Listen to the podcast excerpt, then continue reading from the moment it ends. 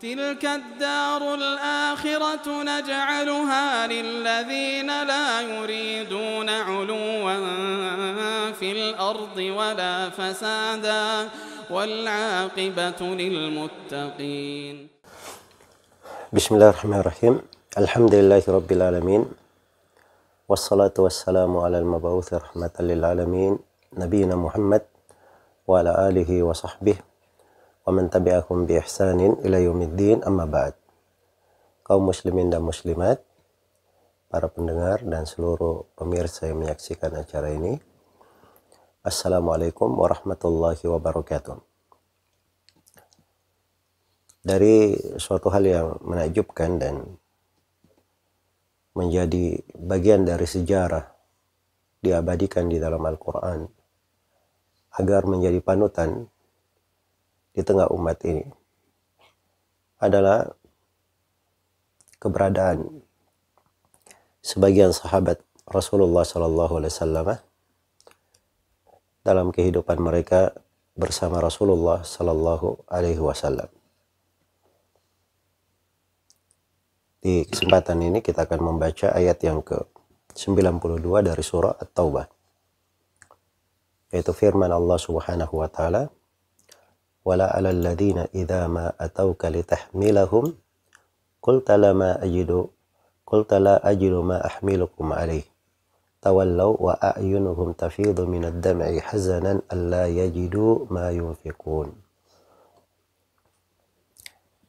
Dan juga tidak ada dosa bagi orang-orang yang apabila mereka datang kepada engkau Nabi Muhammad supaya engkau memberi mereka kendaraan kalau engkau berkata, saya tidak memperoleh kendaraan untuk membawa kalian. Lalu mereka kembali sedang mata mereka berlinang air mata karena kesedihan. Lantaran mereka tidak memperoleh, lantaran mereka tidak memperoleh apa yang mereka nafkahkan. Ini subhanallah dari kehidupan para sahabat Rasulullah Shallallahu Alaihi Wasallam. Jadi di ayat di surat Taubah itu, di ayat sebelumnya diberi ketentuan untuk orang-orang yang mendapat udur. Tidak berdosa. Apabila ada seruan jihad berangkat bersama Rasulullah Shallallahu Alaihi Wasallam tapi mereka tidak berangkat itu ada beberapa golongan diberi udur ليس على الضعفاء ولا على المرضى ولا على الذين لا يجدون ما ينفقون حرج إذا نصحوا لله ورسوله ما على المحسنين من سبيل والله غفور رحيم tidak ada dosa bagi orang yang lemah juga tidak ada dosa bagi orang-orang yang sakit juga tidak ada dosa bagi orang yang tidak punya nafkah kemampuan untuk berangkat Ya sebab dimaklumi berangkat bersama Rasulullah dalam perjalanan apalagi itu jihad fisabilillah itu perlu kendaraan, perlu peralatan, perlu perbekalan. Ya itu perlu biaya. Perlu biaya. Maka orang-orang yang tidak punya nafkah ini dikatakan tidak ada dosa atas mereka. Idza nasahu lillahi wa rasulih. Apa mereka ini betul-betul jujur betul-betul tulus kepada Allah dan Rasulnya. Ya, kalau seorang memang dia tulus, kalau dia punya kemampuan, pasti dia akan hadir, akan datang. Orang yang sangat tulus kepada Allah dan Rasulnya, maka itu tidak ada jalan untuk mencela mereka, tidak ada dosa atas mereka. Dan Allah sudah tetapkan pengampunan. Wallahu ghafurur rahim. Allah maha pengampun lagi maha penyayang. Setelah itu disinggung satu golongan sahabat ini. Wala alal ladina idha ma atauka litahmilahum qulta la ajidu ma ahmilukum alaih. Demikian pula tidak ada dosa bagi orang yang apabila mereka datang kepada engkau wahai Nabi Muhammad minta supaya engkau membawa mereka. Dan ini sekelompok, sekelompok sahabat tidak punya kemampuan tapi tidak berhenti sampai situ Ya. bukan dia tidak punya kemampuan terus dia berkata oh, sudah saya tidak mampu saya tinggal di rumah aja. Ini masih berusaha berupaya dulu. Datang kepada Nabi Muhammad SAW ya Rasulullah kami tidak mampu. Apakah ada peluang ada kesempatan kami diikutkan? Kami diberi kendaraan kami diberi perlengkapan. Iya. Minta kepada Nabi Shallallahu Alaihi Wasallam. Tapi ternyata Nabi Shallallahu Alaihi Wasallam juga berkata, Kul tala ajidu ma ahmilukum alaih. Maka engkau Nabi Muhammad berkata, saya tidak menemukan, tidak memperoleh bekal yang dengannya bisa membawa kalian. Kemampuan untuk membawa kalian, kendaraan untuk membawa kalian. Iya. Maka para sahabat ini dikatakan tawallau wa a'yunuhum tafidhu minad dama.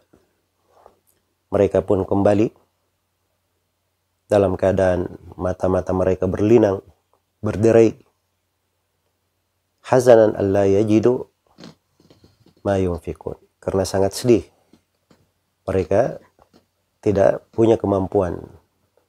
Tidak menemukan apa yang bisa mereka infakkan. Iya. Ini subhanallah.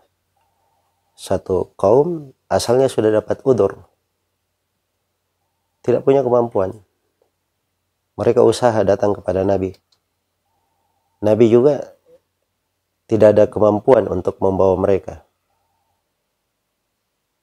Mereka ini pulang dalam keadaan menangis.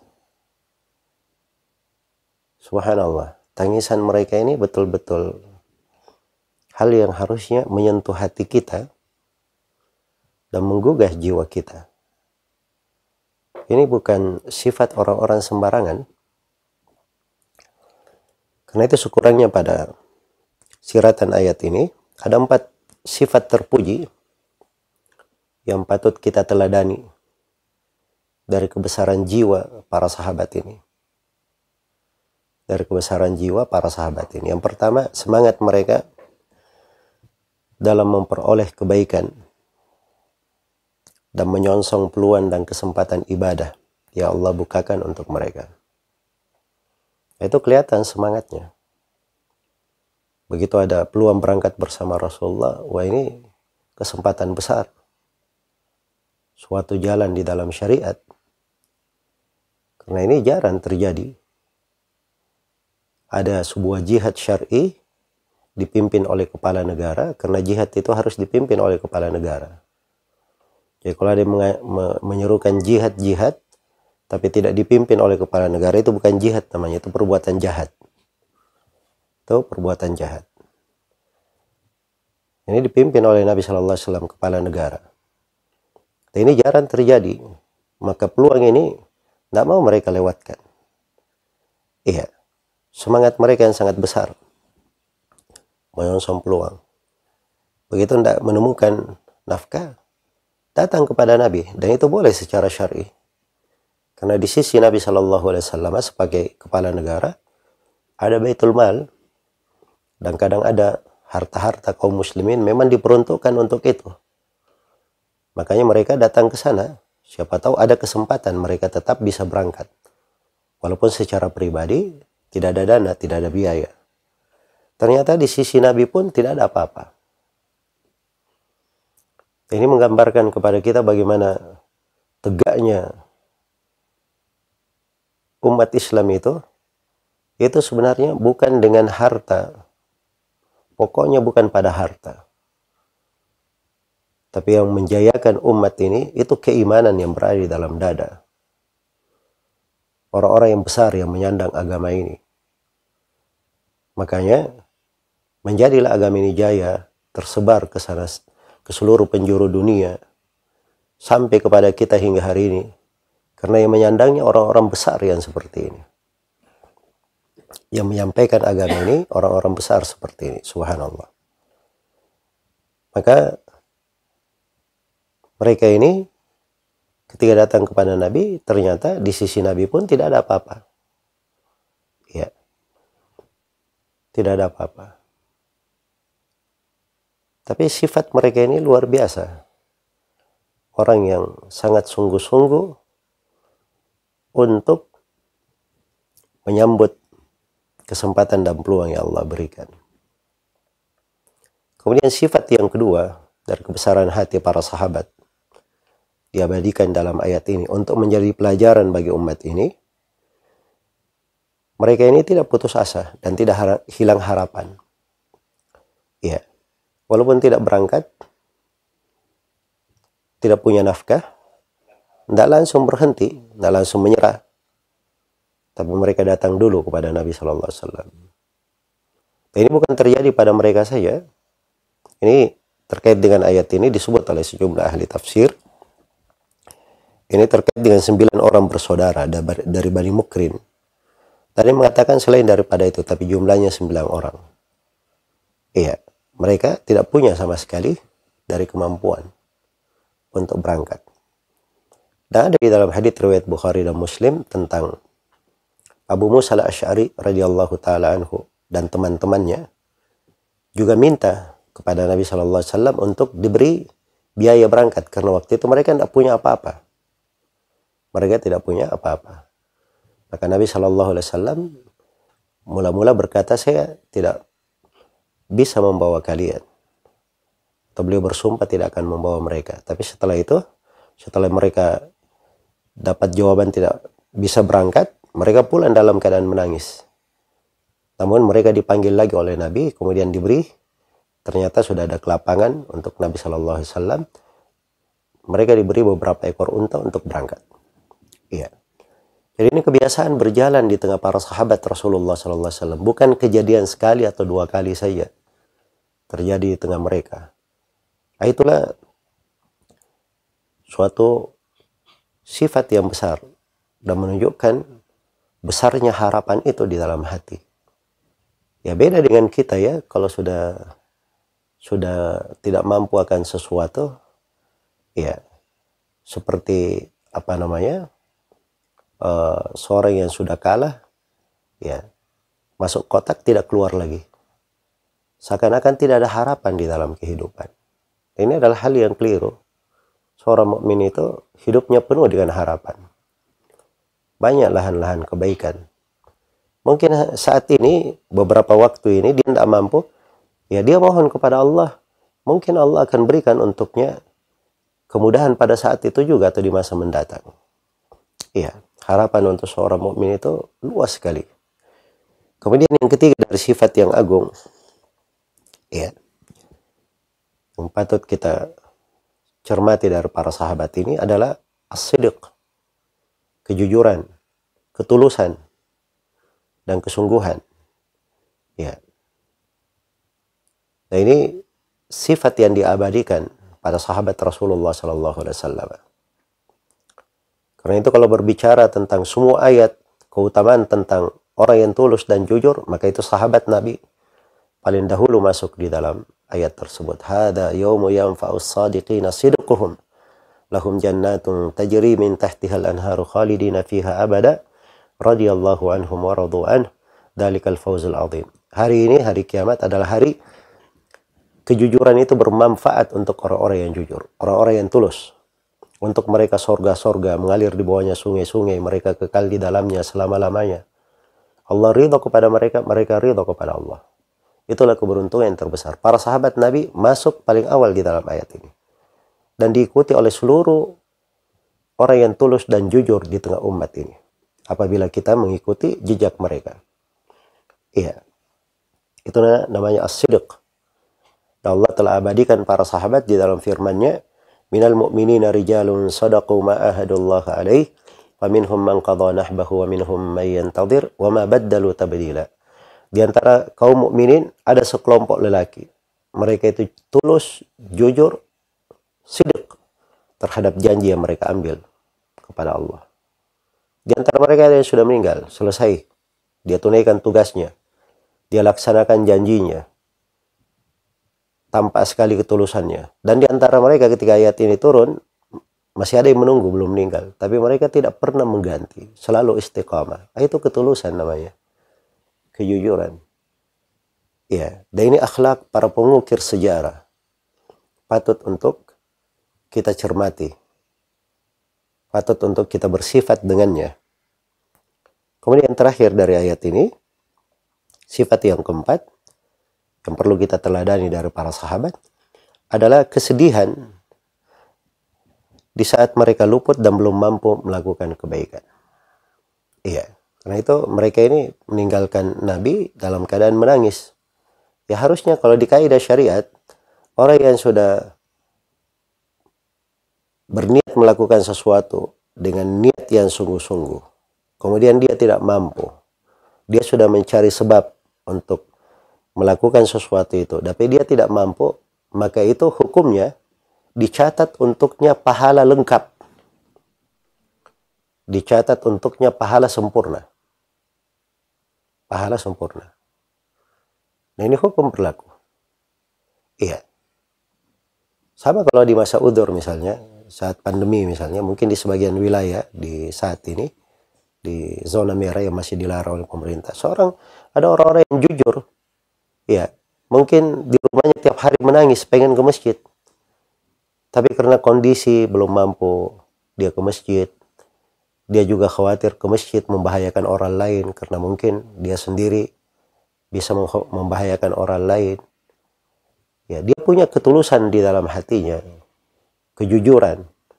Asalnya kalau dia seperti itu, itu sudah dapat udur. Dia dapat pahala sempurna seperti orang sholat berjamaah. Seperti sholat, orang yang sholat berjamaah. Sama dengan sahabat ini mereka ini kalau tidak berangkat dan tidak mampu, mereka dapat pahala sempurna. Karena itu syah di dalam hadis riwayat Bukhari dan Muslim, Rasulullah sallallahu alaihi wasallam dan kayaknya ter, terkait dengan hadis ini. Memang disebut di dalam sebagian riwayat Ibnu Abi Hatim disebut oleh Ibnu Katsir terkait dengan ayat ini. Iya, tapi di riwayat Bukhari dan Muslim eh, ayatnya mutlak. Walaupun kisahnya sama di perang Tabuk, jadi begitu kembali dari perang, Nabi Shallallahu Alaihi Wasallam bersabda, Inna bil Madinati akwaman. Sungguhnya di kota Madinah itu ada sekelompok kaum. Kalian tidak mendaki gunung, tidak menelusuri rembah, tidak menempuh sebuah jalan, kecuali mereka yang di Madinah ini bersyirikat bersama kalian dalam pahala. Para sahabat heran, bertanya, siapa mereka ya Rasulullah? Kata Nabi Shallallahu Alaihi Wasallam, kaumun habasahumul udur. Mereka adalah satu kaum yang tertahan oleh sebuah udur, jadi asalnya sudah dapat udur sahabat ini, pahala lengkap. Tapi bersamaan itu, bersama dengan itu subhanallah. Mereka meninggalkan Nabi setelah mendengar pernyataan Nabi bahwa Nabi tidak mampu membawa mereka. Mereka pergi, mereka kembali dalam keadaan berlinang air mata. Sangat sedih. Dan ini kalau menunjukkan sesuatu, menunjukkan akan kejujuran di dalam hati itu ketulusan, keimanan. Dan ini yang patut kita kita perhatikan di bulan Ramadan ini banyak lahan ketaatan, pintu-pintu ibadah dan berbalut dengan kemudahan. Bahkan Allah Subhanahu wa taala memberi banyak kemudahan di ibadah-ibadah tersebut. Tapi subhanallah hanya kepada Allah kita mengeluh. Ya, rasa malas kita, kelusuan kita, tidak semangat dalam melakukan ibadah, itu adalah sebuah masalah yang harusnya kita perbaiki. Bahkan kadang sebagiannya ada yang rela kemarau, padahal sekarang ini lagi musim hujan. Nah ini perlu semangat yang tinggi. Karena itu, jadilah seperti orang yang dikatakan oleh sebagian penyair bijaksana, kun rajulan rijuluhu fithara wa hammatu himmatihi. Jadilah kamu seorang itu kakinya menapak di bumi. Tetapi cita-citanya yang tertinggi itu lebih tinggi daripada bintang Thuraya yang berada di langit sana. Semoga Allah Subhanahu wa taala memberi taufik kepada kita semua, memudahkan kita di dalam amalan dan menjadikan kita semua sebagai orang-orang yang bisa mengikuti jejak para sahabat Rasulullah Sallallahu Alaihi Wasallam. Mampu untuk memanfaatkan bulan yang penuh dengan keutamaan ini. Semoga Allah membantu kita untuk melaksanakan sholat, puasa, dan seluruh ibadah di bulan Ramadan. Dan menerima ibadah-ibadah kita di bulan Ramadan menjadikan kita semua sebagai orang yang beruntung. Dibalas surga oleh Allah Subhanahu wa taala. Innahu waliyudzalika wal qadiru alaihi wallahu taala alam